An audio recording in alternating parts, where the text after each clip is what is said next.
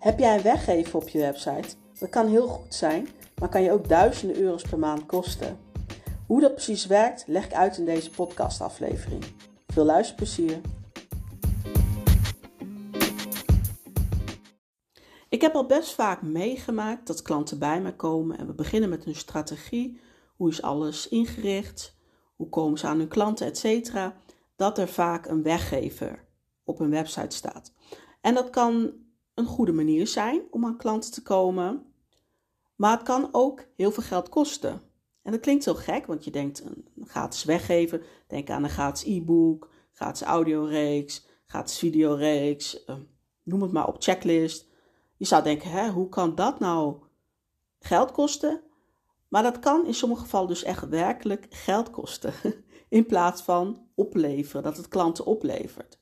Is niet altijd het geval, maar ik wil vandaag daar wel over hebben. Omdat ik dan soms iets heb van, of de weggever klopt niet, of de weggever zou je eigenlijk helemaal niet moeten doen.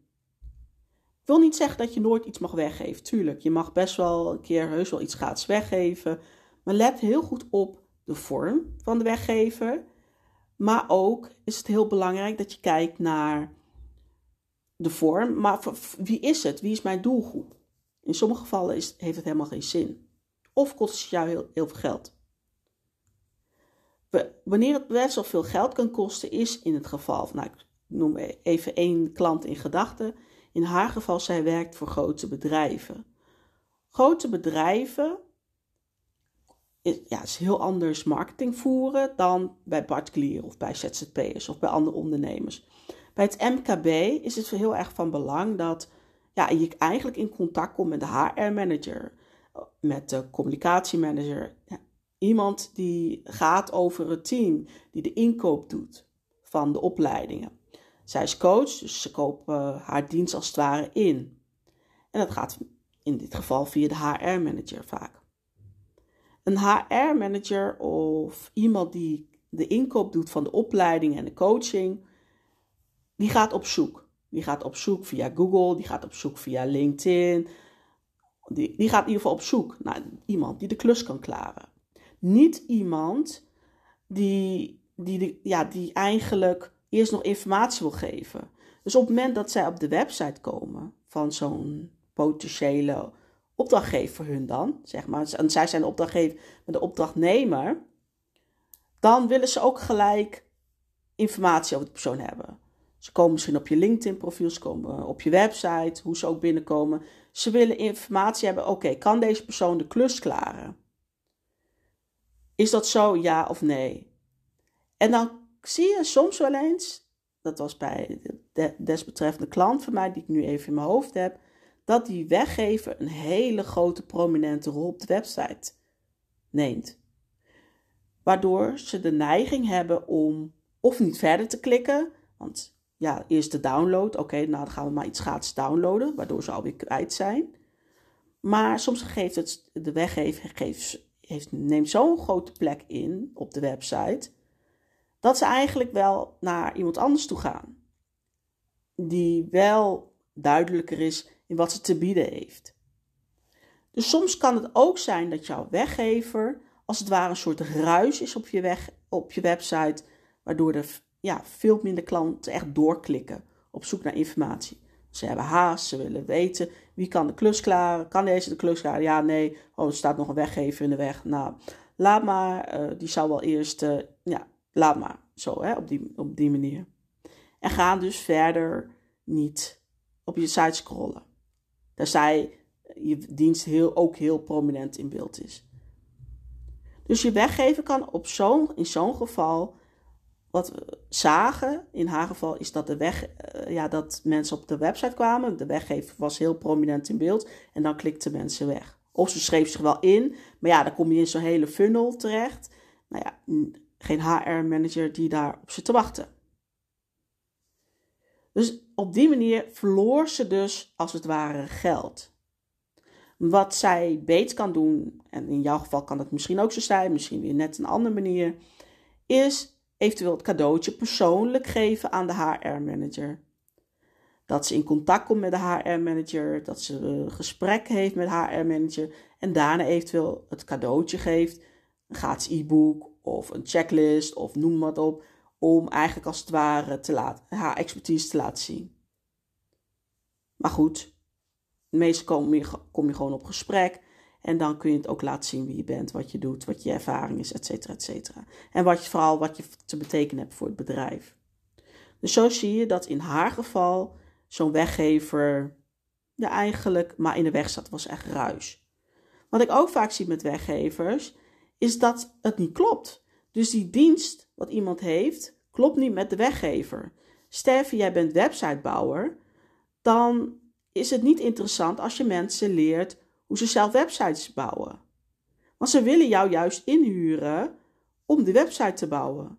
En ze hebben juist geen zin en geen tijd en de kennis niet om dat allemaal zelf uit te zoeken.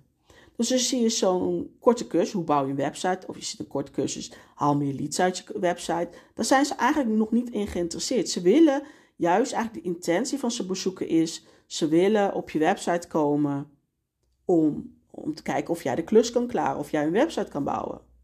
Dus ook zo'n weggever kan in dit geval alleen maar ruis veroorzaken, dat ze misschien denken, oh, hmm, ja, zelf bouwen, ja, misschien is ook wel een idee. Nou, laat ik dan toch maar even die gratis weggever downloaden. En weg zijn ze.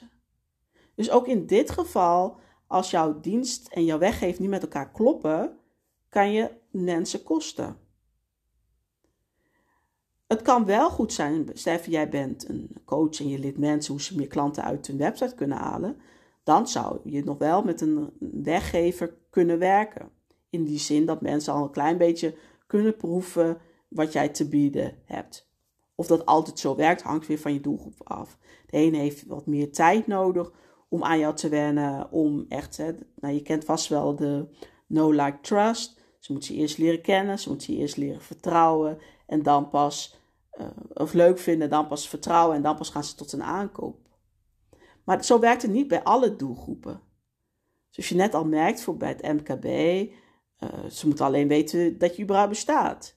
En dan eventueel kom je in het gesprek en dan vertel je wie je bent, wat je doet, wat je kan opleveren. En dan, hè, dus dat, uh, dat no-like trust gaat veel sneller. En dat zie je ook bij bijvoorbeeld high-end klanten. De meest lucratieve doelgroep voor jou, de ja, hooggewaardeerde doelgroep, die, doelgroep die het meest kan betalen. nou, noem het maar op. High-end klinkt zo misschien nog wel apart die gaan ook niet een hele funnel door van een e-mail en uh, opgewarmd worden. Nee, die kijken, oké, ze hebben vaak high-end klanten. Een van de regels is dat ze veel meer geld hebben dan tijd. Dus ze willen op zo snel mogelijk in contact komen en zo snel mogelijk iemand vinden die je klus kan klaren.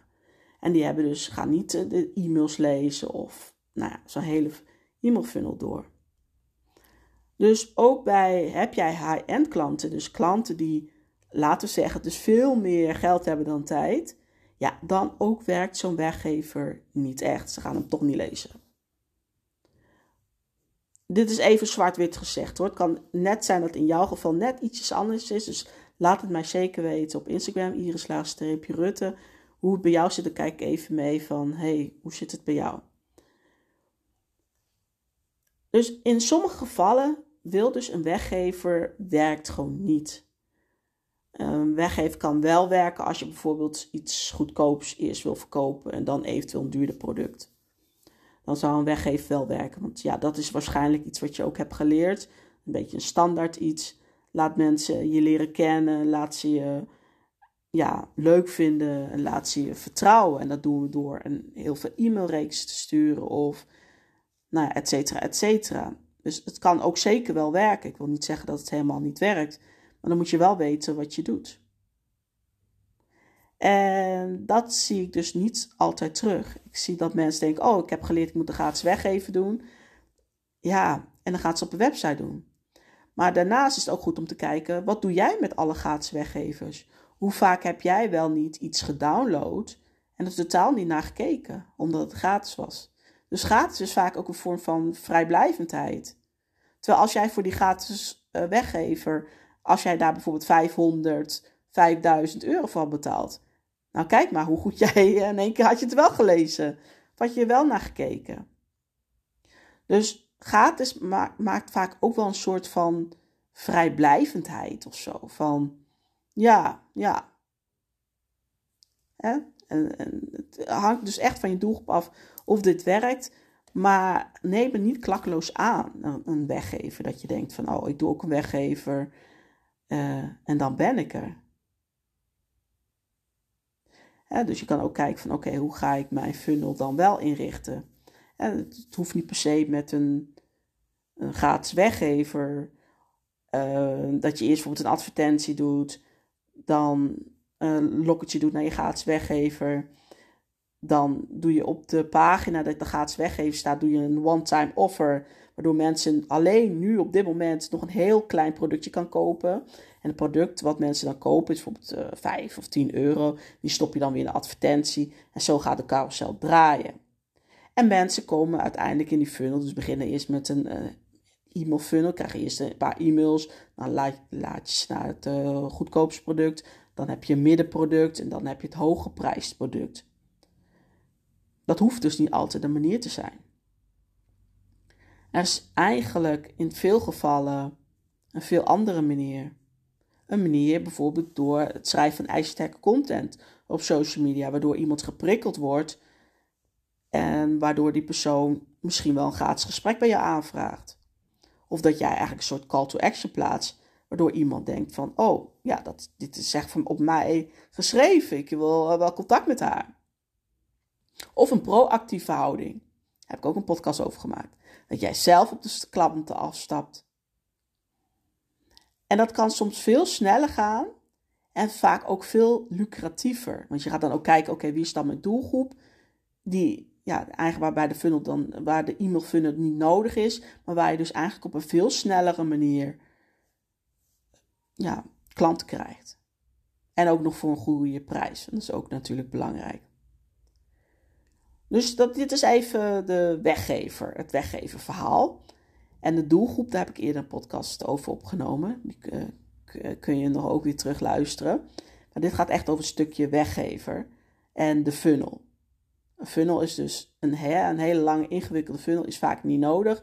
Je kunt, als je de juiste doelgroep kiest, maar daar gaat dus, ging dus de vorige aflevering over, kun je dus een veel kortere, simpele funnel hebben waardoor ze mensen sneller tot aanschaf overgaan en voor een heel veel hogere prijs. Dat je echt denkt, ja, eigenlijk is dit veel makkelijker, maar goed, de andere werkt ook wel, maar ja, goed. Ik, ben meer voor deze funnel, laat ik het zo zeggen. Dus uh, dankjewel voor het luisteren. Ik ben heel erg benieuwd wat je ervan vond. Laat het mij weten. Vind ik altijd hartstikke leuke reacties van jullie. En bedankt voor het luisteren en tot de volgende keer.